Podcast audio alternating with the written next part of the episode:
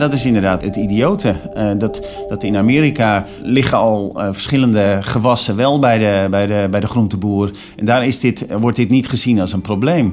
Omdat in feite de veranderingen die, uh, of een deel van de veranderingen die je dus met CRISPR kan introduceren. En het simpelste is eigenlijk het uitschakelen van een, van een gen door een heel klein stukje uit dat gen weg te halen. Nou, dat gebeurt in de natuur ook. Al dus John van der Oost, hoogleraar microbiologie en biochemie, verbonden aan de Wageningen University and Research. Voor zijn onderzoek ontving hij een Spinoza-premie, een onderzoekssubsidie van 2,5 miljoen euro van NWO. Net als de andere vier Spinoza-laureaten is ook hij te gast in deze serie podcast, waarin ik wat uitgebreider spreek met de gelukkigen om te kijken of ze al weten wat ze met dat geld gaan doen. Bezoek onze website of volg ons op Twitter en Facebook voor meer verhalen uit de wetenschap. Mijn naam is Karin van den Boogaard. Welkom John in de podcast van Wetenschap.nu. Uh, we gaan eens even kijken wat te doen met 2,5 miljoen. Maar eerst even terug in de tijd. Je werkte ooit aan de VU. Verkaste toch wel met pijn in het hart naar Wageningen. Daar zitten we nu ook. In gebouw Helix. What's in the name? Is dat voor jou bedacht of heb jij dat uitgekozen? Nee, we hebben dat uh, op een gegeven moment wel uh, met de uh, architect overlegd. Dat ons dat een toepasselijke naam leek. En dat, dat is het uiteindelijk geworden. Nou, je kan op geen betere plek zitten met je onderzoek, denk ik dan maar. Um, fijn dat je in deze podcast wil optreden, want je bent druk. En volgens mij nog veel drukker sinds je die Spinoza hebt gekregen. Wat is er allemaal op je afgekomen? Nou ja, er zijn, er zijn natuurlijk uh, diverse journalisten die, uh, die van alles van me willen weten. En dat is op zich alleen maar leuk natuurlijk. Het is, het is een, ik zie het niet als een, als een extra belasting of zo. het, is, het hoort erbij en het is natuurlijk geweldig dat die dat die prijs deze kant op gekomen is. Je verkaste van de VU naar Wageningen, zei ik. met spijt in je hart toen? Hoe is het nu? Laten we beginnen met hoe het toen was. Ik, uh, ik, uh, ik heb gestudeerd uh, in Amsterdam, ben daar gepromoveerd. En uiteindelijk ben ik daar na een verblijf van een jaar of drie in het buitenland... ben ik weer teruggekomen in Amsterdam. En toen zou ik het, als, als je het me toen gevraagd had... had ik echt het liefste in Amsterdam gebleven. Omdat ik het een geweldige stad vind, sowieso. Maar ook omdat op de VU waar ik toen zat... dat je daar geweldig onderzoek kan doen... Helaas uh, bleek toen dat er, uh, dat er geen, uh, geen plek was voor een vaste positie van mij. En die was er gelukkig wel in, in Wageningen. Dus daar ben ik toen in 1995 heen gegaan. Maar als ik nu terugkijk, denk ik dat ik toch wel heel tevreden mag zijn met die, met die ommezwaai. Zeg maar. Je weet nooit hoe het gelopen zou zijn in Amsterdam. Maar hier is het eigenlijk allemaal uh, geweldig gegaan. Je hebt hier de basis gelegd voor de CRISPR-Cas-techniek, uh, het onderzoek daarnaar, hè, waarmee heel gericht genen verwijderd, aangepast of toegevoegd kunnen worden. In het kort, daar komen we straks nog even over te spreken.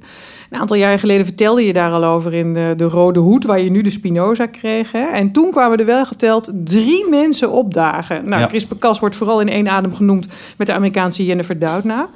Steekt dat je?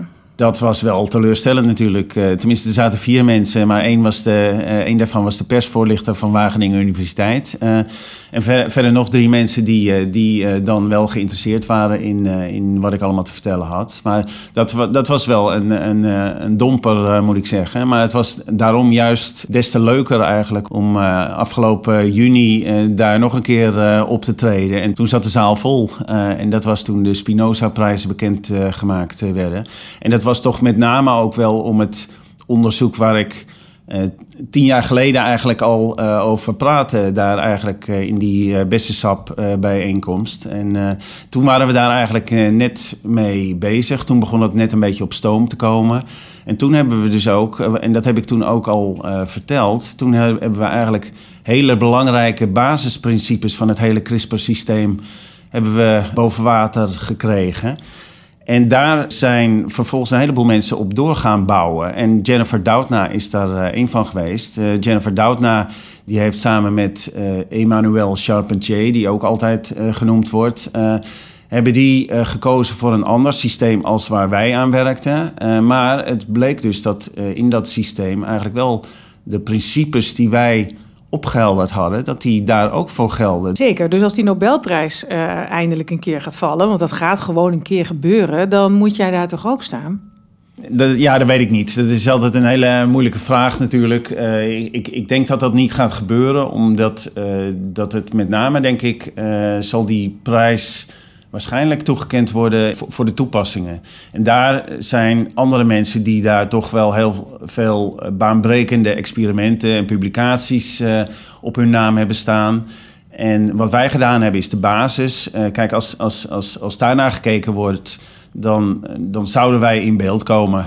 Maar zo zijn er nog wel een paar mensen te noemen. En het, ja, dat moet je altijd maar afwachten. Dus dat, uh, daar probeer ik me eigenlijk helemaal niet mee bezig te houden. Daar zou je slapeloze nachten van hebben. En ik heb ook al tegen mensen gezegd van die Spinoza-prijs... dat is eigenlijk een geweldige erkenning en het is helemaal goed zo. CRISPR-Cas. Inmiddels zullen de meeste luisteraars wel eens hebben gehoord van die termen. Een nieuwe techniek om DNA te veranderen. Een techniek ook die grote implicaties kan hebben voor planten, dieren en ook voor mensen. Dat begon allemaal als een fundamenteel project, zei je net eventjes al, om te kijken hoe bacteriën zich verdedigen tegen aanvallen van virussen. Daar begon het mee, hè? En toen? Toen we een hypothese hoorden dat het uh, CRISPR-systeem misschien een nieuw afweersysteem zou zijn toen hebben we besloten om, uh, om dat te gaan bestuderen. Ik had in die tijd, en dan spreek ik over 2005, toen had ik net een, uh, een Fici-beurs gekregen van, van de NWO. Dus we hadden wat geld uh, te besteden. En daar heb ik een deel van gebruikt om eigenlijk de moleculaire basis van dat CRISPR-systeem, wat toen voorgesteld werd als, als een nieuw afweersysteem, dat, dat zijn we toen gaan onderzoeken. En dat heeft in 2008 geleid tot, uh, tot een publicatie uh, die ik net al noemde, waar, waar dus een, uh, een hoop van de basale principes eigenlijk boven water kwamen. Dus wat we toen vonden is dat de CRISPR's, dus die, dat, dat zijn eigenlijk repeterende stukken uh, op het DNA van een bacterie. Dus stukjes die iedere keer herhaald worden, korte segmentjes, zeg maar. Waarvan niemand wist wat, wat, wat die voor functie hadden? Nee, klopt. Want dat, dat hadden we een aantal jaren daarvoor zelf ook al gevonden. toen we de hele genoomsequentie, dus het, het chromosoom van een bacterie, aan het sequencen waren. Dus de hele volgorde van alle bouwstenen aan het bepalen uh, waren. Toen, toen vonden we ook die repeterende stukken. Maar we snapten daar niks van en we zijn het toen eigenlijk weer vergeten. Totdat er hier toevallig een, uh, een Amerikaanse collega langskwam. En die vertelde toen dat eigenlijk uh, het interessante van die, uh, wat, wat toen de naam CRISPR had gekregen. Dus dat zijn die repetitieve stukken. Dat het interessante aspect was wat er tussen de repeterende stukken lag. En dat waren dus de variabele spacers, zoals we die noemden. En dat bleken stukjes te zijn die, die 100% homologie hadden met, met virussen. Dus dat suggereerde dat er stukjes virus-DNA opgeslagen werden in het uh, bacteriële chromosoom. En dat bleek inderdaad zo te zijn. Dus het is dat die CRISPR's zijn dus eigenlijk een soort geheugen, een soort archief met uh, informatie over de boosdoeners. Dus de, in, de, in dit geval de, de virussen. Zodat als een virus uh, een aanval doet, zal ik maar zeggen, op die bacterie, dan kan die bacterie hem herkennen daardoor. Precies. Wat wij in 2008 gepubliceerd hebben, is dat, uh, dat we vonden dat, dat eigenlijk kopietjes van dat archief, dus van het DNA, dat heet dan RNA. Dat lijkt heel veel op DNA, dat is een variant. Maar in ieder geval, dat RNA wordt gebruikt als een soort gidsmolecuul om een match te vinden. En als er dan een, uh, sprake is van een virusinfectie, dan is dus zo'nzelfde soort sequentie kan herkend worden. En dat gebeurt dan ook. Wat dan vervolgens gebeurt, is dat er een enzym gerecruiteerd wordt. En dat zorgt vervolgens voor het kapotknippen van het virus-DNA. Dus dat hebben wij allemaal laten zien. Dus dat, dat kleine RNA-moleculen als gids dienen voor het uh, aanvallen op, op complementair, dus matching DNA. En verder wat we hebben laten zien. En dan kom ik toch weer uh, eigenlijk terug op die, uh, op die Nobelprijs, die waarschijnlijk nooit naar Wageningen gaat komen. Maar goed, de, de belangrijke principes, ook voor, voor het, het editen van andere DNA-fragmenten, en dat kan zijn, uh, wat je net al zei, uit planten of uit dieren of uit mensen, uh, is dat je dus die CRISPR kan je, kan je aanpassen. En dat hebben we dus al in 2008 laten zien. Hebben, hebben we dus die uh, CRISPR aangepast. We hebben het systeem in een andere bacterie geïntroduceerd. En dat is eigenlijk waar de hele wereld nu mee bezig is, om dus die genome editing te doen. En uh, die techniek wordt steeds verbeterd en verfijnd. Dat heeft Jennifer Doudna met name ook gedaan. Je zei, die heeft een andere keus gemaakt. Uh, dat uh, CRISPR 2.0 bij wijze van spreken komt er al aan. Hè? Maar uiteindelijk was het dus niet de bedoeling om genoom te kunnen veranderen toen jij begon met dat onderzoek. Het was puur nieuwsgierigheid eigenlijk en, en puur interesse van hoe is het mogelijk dat zo'n bacterie zo'n geavanceerd systeem eigenlijk heeft. Voor die tijd was dat nog nooit uh, beschreven. Dus, dus het is echt een heel ingewikkeld uh, mechanisme eigenlijk. En ook dus dat er zo'n soort CRISPR-archief was met, met dus de vingerafdrukken van de binnendringende virussen. Dat was ongehoord. En ik kan me nog herinneren, de eerste keren dat ik daarover sprak op wetenschappelijke conferenties, dat mensen zeiden van nou, dat is niet te geloven. Of ze geloofden het eigenlijk ook bijna niet. Totdat het op een gegeven moment een opeenstapeling van bewijs was dat het echt zo werkte. Ze geloven het niet of ze vinden het misschien een beetje eng, want je verandert het genoom van plant, mens of dier. Uh, je speelt, zeggen een aantal mensen, eigenlijk voor God. Ik denk, uh, als er al een God zou zijn, en ik, uh, nou, ik geloof daar eigenlijk zelf niet in, maar dat, dat, dat laat ik verder in het midden. stel dat hij er wel is, ehm, dan heeft hij ons wel op het spoor gezet om dit te, te achterhalen. En dat, daar zal hij dan ongetwijfeld een bedoeling mee hebben. en dus ik, ik zie dat eigenlijk helemaal niet als een probleem. Niet als knutselen aan, uh, aan mensen. Je kan gaan knutselen aan mensen uh, als het gaat om, uh, om het repareren van genetische ziektes. En dan heb ik daar helemaal geen moeite mee. als, als het, als het erop aankomt om, om allerlei talenten eh, te gaan introduceren, daar heb ik, heb ik eigenlijk meer moeite mee. Maar als het aankomt op het beter maken van, eh, van zieke mensen, dan is het geweldig als dat op een gegeven moment gaat lukken. En dat gaat natuurlijk gewoon een keer gebeuren. Hè? Het gebeurt nu alleen eh, nog maar in het laboratorium, maar er zijn al menselijke embryo's op deze manier behandeld hè? in het Verenigd Koninkrijk. Maar er is nog geen genetisch veranderde baby geboren. Maakt het dan nog steeds wat surreëel of is het voor jou zeer levende materie? Kijk, die, die, die hele uh, discussie over die embryo's, dat is heel goed dat die gevoerd wordt. Maar uh, los van de, de ethische problemen is het ook zo dat er, dat er nog heel veel technische hordes zijn die we, die we moeten nemen. Zover is het nog lang niet. Uh, ik denk wat veel dichterbij is, is dat je op een gegeven moment materiaal van patiënten zou kunnen gaan repareren, zeg maar. Dat is wat op, op dit moment aan de gang is. En wat ik gehoord heb, is dat er op dit moment al een twintigtal clinical trials lopen. Dus dat, dat er echt uh, in heel veel detail wordt er nu gekeken of uh, CRISPR al ingezet kan worden om een beperkt aantal ziektes te repareren. Dus nog niet knutselen, nieuwe mensen knutselen, maar knutselen in levende mensen? Eigenlijk zieke cellen uit levende mensen. Uh, bijvoorbeeld bloedcellen. Uh, die kan je uh, aftappen natuurlijk vrij makkelijk van, van patiënten. En als je daar dan bepaalde veranderingen in kan, kan doorvoeren... en dat kan zijn dat er iets mis is met de bloedcellen zelf... of dat er sprake is van een kanker in die, uh, in die uh, patiënten. En dan kan je de bloedcellen eigenlijk sterker maken dan, dan ze al zijn.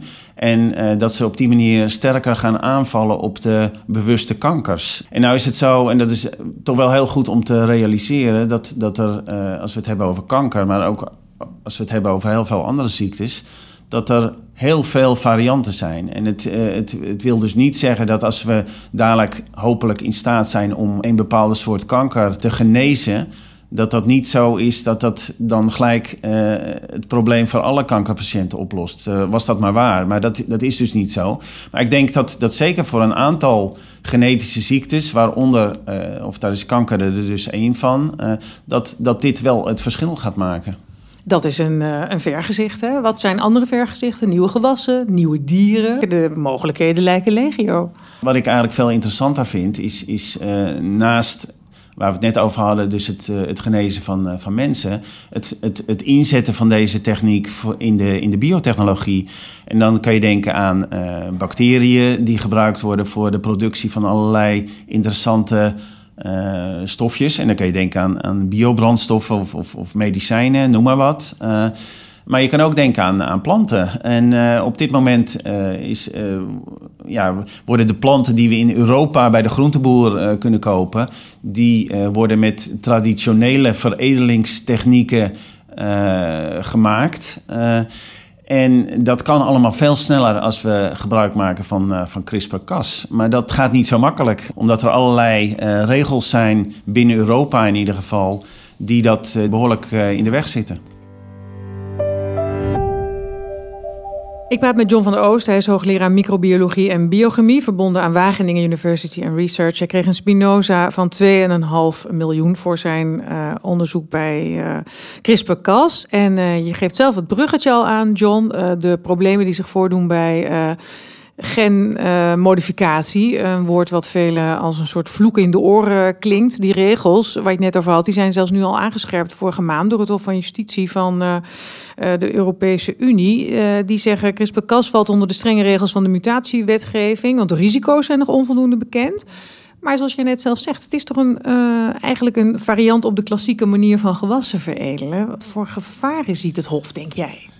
Nou, het is, het is een hele lastige discussie. Maar natuurlijk de, de klassieke veredeling, veredeling, dat is ook genetische modificatie. Uh, dus, dus het gaat alleen een stuk langzamer. Het gaat veel langzamer. Maar dat, dat, dat heeft zo'n lange historie van veilige technologie. Dus dat wordt volledig geaccepteerd. Ik bedoel, we begonnen daar zonder dat we het wisten, natuurlijk duizenden jaren geleden al mee. Met het, met het veredelen van landbouwgewassen, maar ook van, van, van dieren, uh, kippen, koeien. Uh, ik bedoel, de de, de kippen die nu elke dag een ei produceren, dat, dat is natuurlijk niet, niet natuurlijk. Dat maar is, is dit een kwestie van framing dan? Dat mensen bij genmutatie denken aan iets heel engs, science fiction-achtigs en dat knutselen aan dingen en dieren en mensen en aan gewassen, eh, wat het akelig maakt, want het is niks anders.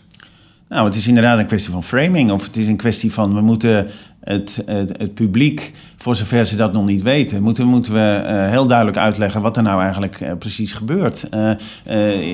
Het was een paar jaar geleden nog zo dat heel veel mensen hadden dan niet van, van of die wisten niet wat, wat DNA was. En als dan uh, als ze dan hoorden van, oh, uh, nou is het DNA van een tomaat uh, veranderd, dan gingen ze die tomaat niet, niet eten, omdat er DNA in zat. maar dat is natuurlijk, dat kan je die mensen niet kwalijk nemen. Dat, dat, dat moeten wij, we moeten in de spiegel kijken en wij, wij moeten zorgen, of daar moeten we aan meehelpen, dat, dat, dat iedereen dit soort dingen weet. Of iedereen die in, inderdaad hierover mee wil praten, mee wil denken, die moet natuurlijk wel weten waar het over gaat. Maar hoe doe je dat? Want kijk, als jij dat uh, tegen je hebt, hè, dat mensen inderdaad dan zeggen: een genetisch gemodificeerde tomaat is niet meer natuurlijk. Daar, ik, volgens mij zit het hem daar ergens. Hè? Het is niet natuurlijk.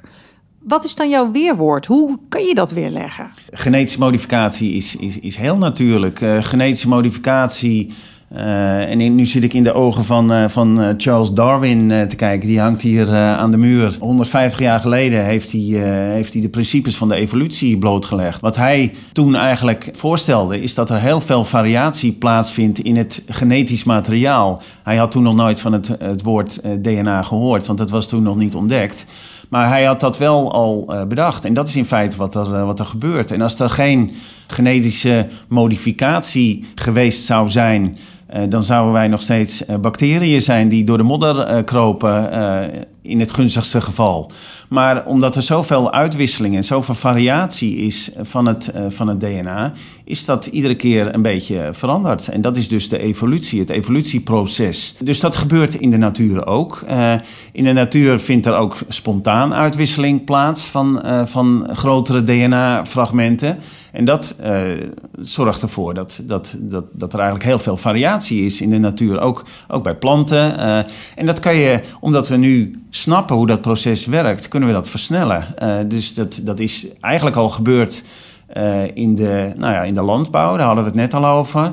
Um, maar dat, dat, dat kan nu met de huidige inzichten in de DNA-technologie, kan dat eigenlijk nog veel sneller en veel gerichter en veel preciezer. Want, en, en dit vind ik toch wel een hele belangrijk punt eigenlijk. En, en dat is dat eigenlijk de groenten die je op dit moment bij de groenteboer kan kopen in Europa.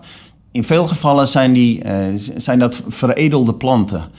En uh, hoe worden die veredelde planten gemaakt? Dat, dat wordt door plantenzaden uh, bloot te stellen aan radioactieve straling. Die radioactieve straling, die, dat is eigenlijk als, als schieten met, met, met hagel op het DNA. En dat, dat betekent dat, dat er heel veel schade optreedt. Dus eigenlijk op een hele ongerichte manier. Maar daar worden vervolgens dan de eh, plantjes uit opgekweekt. Heel veel zullen het niet redden omdat ze gewoon te veel beschadigd zijn. Maar de, degenen die het wel redden, die worden op een gegeven moment opgekweekt en, uh, en geselecteerd voor gunstige eigenschappen. En als ze dan gunstige eigenschappen hebben, bijvoorbeeld een, uh, een grotere tomaat of een, een, hele tros van tomaten of, of wat dan ook.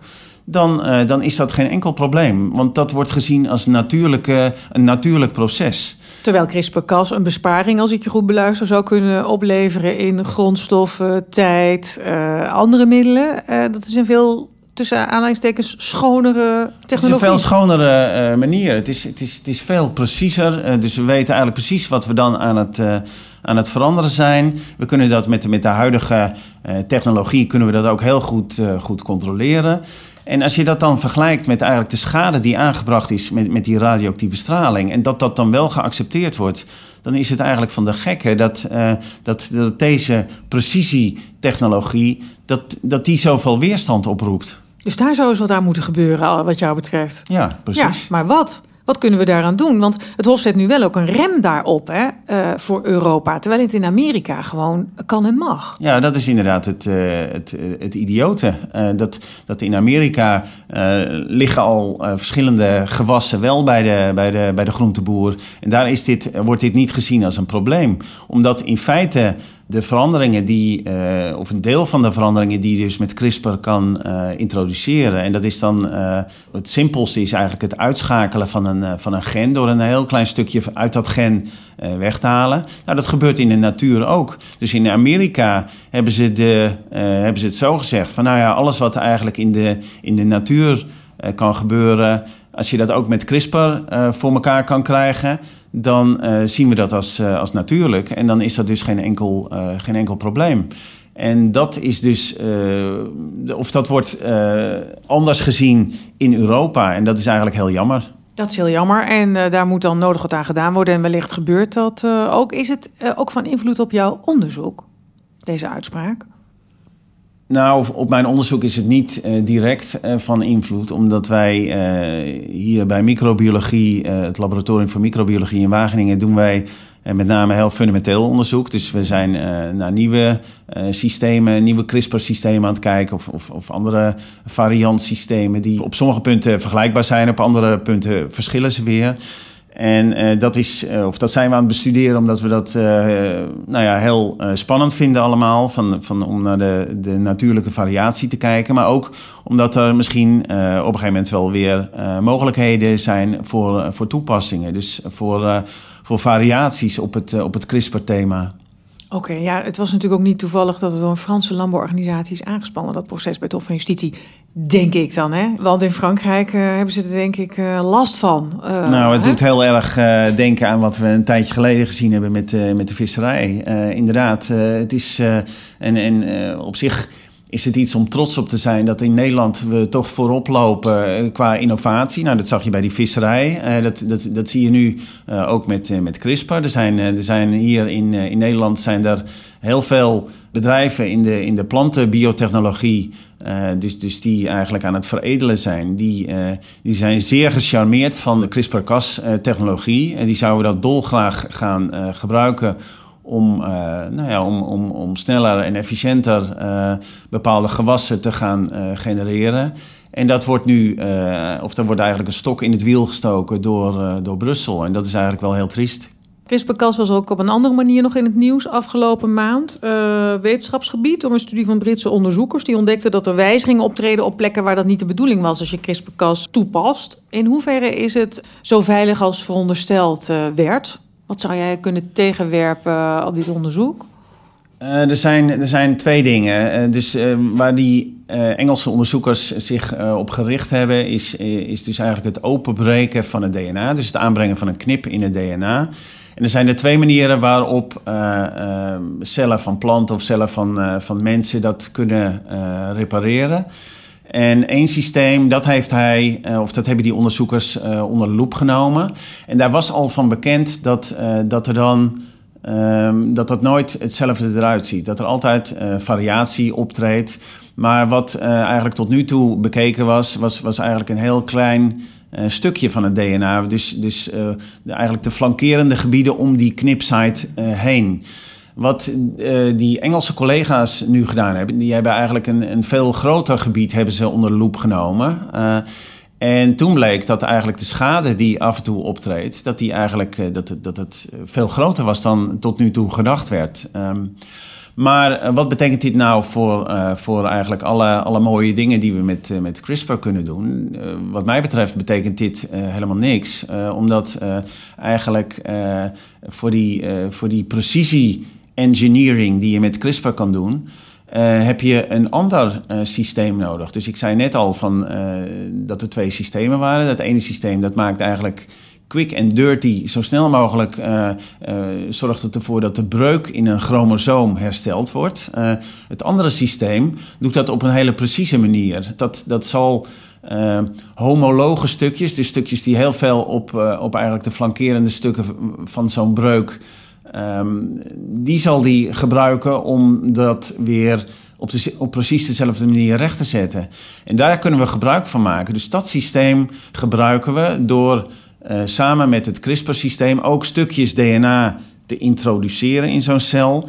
En in die stukjes DNA die we er dan uh, mee inbrengen, liggen eigenlijk de veranderingen die we willen doorvoeren. En dat kan een enkele mutaties zijn. Dus een enkele verandering van een bouwsteen die bijvoorbeeld leidt tot, uh, tot kanker.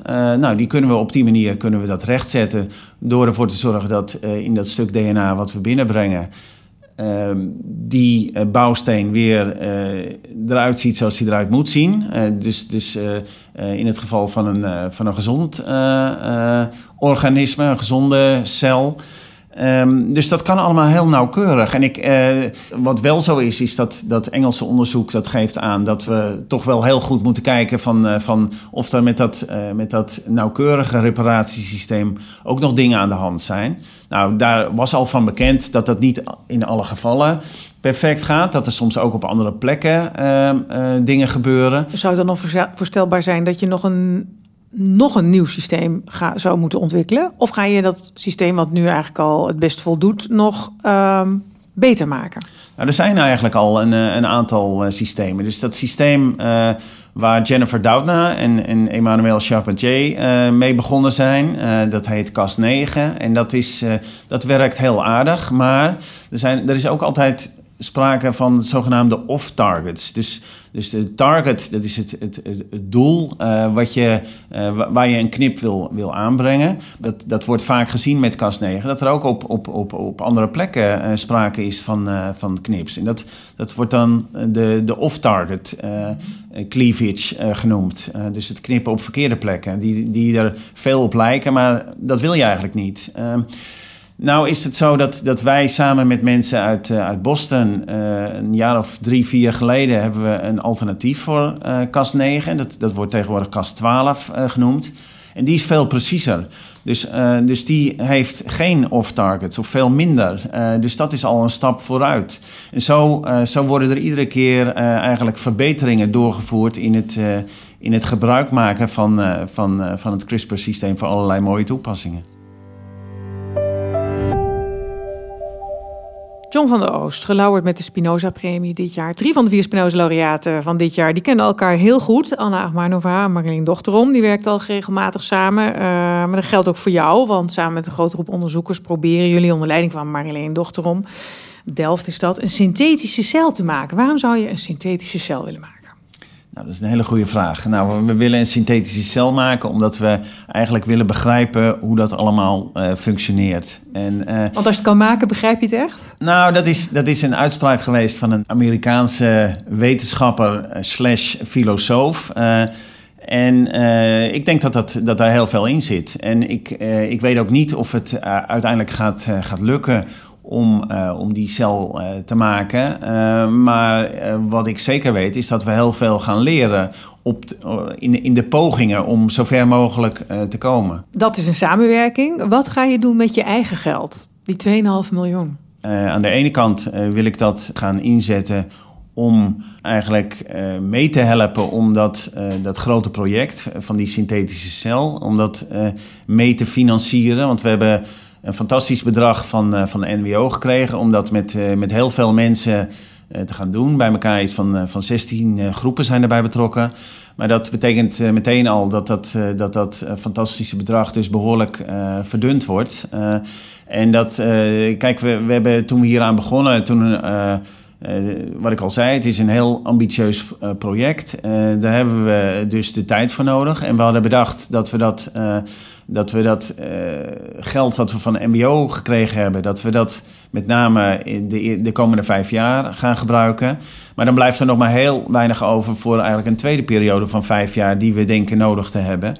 En daarvan hebben we dus al uh, meteen uh, uh, eigenlijk in het, in het voorstel gezet dat we gaan proberen om daar extra geld voor te genereren. Nou, daar kan ik dus een, een deel van mijn Spinoza geld zal ik daarvoor gaan gebruiken. Ja, dus je brengt geld in. En, en wat is jouw um, inbreng in het onderzoek vanuit jouw expertise? Wat ik een beetje zie als, als mijn inbreng is, het, is de, de evolutiecomponent. Ik denk dat het nou ja, een heel uh, mooi streven is om, uh, om allerlei uh, losse componenten te maken en in elkaar te knutselen. maar om dat vervolgens dan ook aan de gang te krijgen, daar moet je eigenlijk, wat mij betreft, gebruik maken van de kracht van de evolutie. Wat ik daarmee bedoel, is, is de kracht van de evolutie. Dat is eigenlijk dat de, de principes zoals die opgehelderd zijn door Charles Darwin dat we die gebruiken. Dus, dus, dus dat je eigenlijk de combinatie van, van heel veel varianten, dus heel veel uh, stukjes DNA bijvoorbeeld, met, met kleine variaties daarop. Dat, dat je die op een gegeven moment gaat, gaat, gaat testen. Van of, die, of die functioneren in een, in een levend organisme. En dan, wat je dan kan doen, is nou ja, wat, wat, wat Darwin noemde survival of the fittest. Dus degene die, uh, die dan een bepaalde taak kunnen, kunnen uitoefenen, of dat beter kunnen doen dan, een, dan, dan, dan andere varianten, die gaan op een gegeven moment het voordeel opleveren. En, en dat is dus een heel mooi principe en een heel sterk mechanisme waar we dus als, als, als wetenschappers gebruik van kunnen maken om dit soort ingewikkelde uh, engineering uh, uh, projecten succesvol te maken. Dus eigenlijk terug naar de natuur. Nou, in zekere zin wel. Maar kijk, en, en, en wat dat betreft is, is dit een, een fantastisch project. En het is heel mooi dat NBO daar, daar geld voor over heeft. Omdat het nou ja, eigenlijk heel fundamenteel is en heel moeilijk. Eh, de kans dat het gaat lukken is niet heel groot. Uh, maar nogmaals, we gaan hier heel veel leren. En dat is, uh, ja, dat is geweldig. En hoe heb je je andere deelnemers in het project hiervan moeten overtuigen uh, dat dit zou kunnen werken, de kracht van evolutie? Was het lastig? Nou, dat, was, dat, dat viel mee. Uh, toen ze mij uitgenodigd hadden, want, want zij waren al, uh, al, al enige jaren met een aantal mensen waren ze, waren ze in gesprek om dit om dit van de grond uh, te krijgen. En toen hebben ze op een gegeven moment mij benaderd. Uh, eigenlijk door, door, uh, door het werk wat ik aan CRISPR gedaan heb. Want dat, dat kan ook heel mooi van pas komen. Maar toen heb ik dus tijdens de eerste keer dat we om de tafel zaten... heb ik proberen een lans te breken voor, nou ja, voor dat evolutieverhaal... En daar zag iedereen wel, wel brood in. dus ze, ze, ze zagen dat wel als een goede biologische toevoegingen, toevoeging aan het, uh, nou ja, aan het, uh, aan het werk wat, uh, wat eigenlijk gedaan zou gaan worden door, door de biochemici en de biofysici in de club. Dus dat, dat was een mooie toevoeging, denk ik. Ja. En wat ga je dan nog doen met het geld wat dan nog over is? Nou, wat dan nog over is, dat, dat, dat wil ik eigenlijk gebruiken om, om de lopende onderzoeklijnen aan het CRISPR-werk en misschien wel aan andere CRISPR-achtige systemen om die uh, verder uh, uh, in de lucht te houden. Zoals? Zoals wat? Wat voor andere CRISPR-achtige systemen? Ja, nou, dat is, we, we, hebben een aantal geleden hebben we ook een, een, een ander afweersysteem in bacteriën hebben we opgehelderd. en dat, dat, is een, dat is weer een andere mooie naam. Dat zijn de Argonaut-eiwitten. en dat verwijst een beetje naar de de argonauten van, uh, uit, uit de Griekse mythologie. Um, en uh, daar, daar, uh, dat was al bekend. Daar is zelfs de Nobelprijs, om, het, om het maar weer even richting Stockholm te leiden, het gesprek. daar is de Nobelprijs voor gegeven in, in 2006. en dat is een systeem dat heet RNA interference. Dat is eigenlijk ook een. een, een, een, een uh, dat werkt met, met enzymen die eh, DNA kunnen knippen. En uh, voor de specificiteit gebruiken ze ook weer kleine stukjes um, RNA in dit geval. Dus die systemen uit planten en mensen, daar hadden ze toen van gevonden, die gebruiken kleine stukjes RNA om aan te vallen op matching, de complementair RNA. Dus RNA interference heet dat. Uh, wat wij gevonden hebben toen we, toen we dit soort uh, enzymen gingen bestuderen in bacteriën, is dat die uh, niet RNA als guide gebruiken, maar DNA. En dat ze aanvallen op, op DNA. En dat betekent, dat hadden we toen meteen al door, want toen was de hele CRISPR-revolutie, die was eigenlijk net op gang. Uh, dat dit mogelijk ook gebruikt kon worden voor, uh, voor, uh, nou ja, als een alternatief voor het CRISPR-systeem. En daar zijn we, of dat, ik, daar geloof ik nog steeds in. Tot op zekere hoogte hebben we dat laten zien in het lab dat dat, dat, dat inderdaad moet kunnen. Maar er moeten nog verbeteringen doorgevoerd worden. En dat is dus, nou, dat, dat, dat is niet zo makkelijk. Maar um, ook daarvoor wil ik dan de kracht van de evolutie weer gaan gebruiken. Dus dat, dat is dan een, eh, een, een, een benadering, dat, dat wordt laboratory evolution genoemd. Dus evolutie in het lab. Dus ook weer gebruik maken van die principes die Darwin 150 jaar uh, opgehelderd heeft. Die gebruiken we nu in het lab om eigenlijk uh, niet, niet in de loop van miljoenen jaren, maar in, in de loop van, van, van nou ja, hopelijk uh, maanden of, of, of, of, enkele jaren uh, om, om toch enzymen um, heel sterk te verbeteren voor bepaalde toepassingen. En dat, dat, ja, daar, daar geloof ik heilig in. Wat een spannende plannen allemaal. Je bent 60 geworden dit jaar. Hoe lang denk je nog door te gaan? Want zoals je net schetst, het kan, ook al stop je de evolutie in de pressure cooker, het kan toch nog wel even duren. Dat kan even duren, maar dat, uh, nou ja, ik, ik, ga in ieder geval door tot mijn, tot mijn pensioen. Uh, dus dat is dan nog zeven of acht jaar. en, en dan, ehm, dan misschien nog een aantal jaren afbouwen. Want het is altijd zo dat als, als, als ik net voor mijn pensioen nog, nog één of twee mensen heb aangenomen, dan is het natuurlijk wel zaak dat ik die ook uh, als begeleider blijf, blijf volgen en bijstaan als dat nodig is. En, dus ik, ik, denk in ieder geval tot mijn zeventigste. Dus we hebben nog tien jaar te gaan in ieder geval. Ik wens je enorm veel succes in die tien jaar. Ik feliciteer je nogmaals met die uh, Spinoza. En ik uh, dank je voor je tijd, want uh, er is veel op je afgekomen. Veel mensen willen je plotseling spreken. Nou, dat is alleen maar positief, lijkt me. Dankjewel. Dankjewel. John van der Oost. Wil je meer gesprekken met overige Spinoza-laureaten en andere wetenschappers luisteren? Abonneer je dan op onze podcast. We zijn te vinden in iTunes, Stitcher en Soundcloud. En daarnaast zijn we heel benieuwd wat je van de podcast vindt. Laat het vooral weten, zou ik zeggen, via iTunes.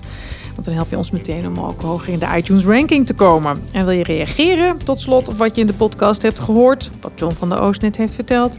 Dat kan via onze kanalen op Facebook en Twitter. En dan zeg ik zoals altijd, dank voor het luisteren.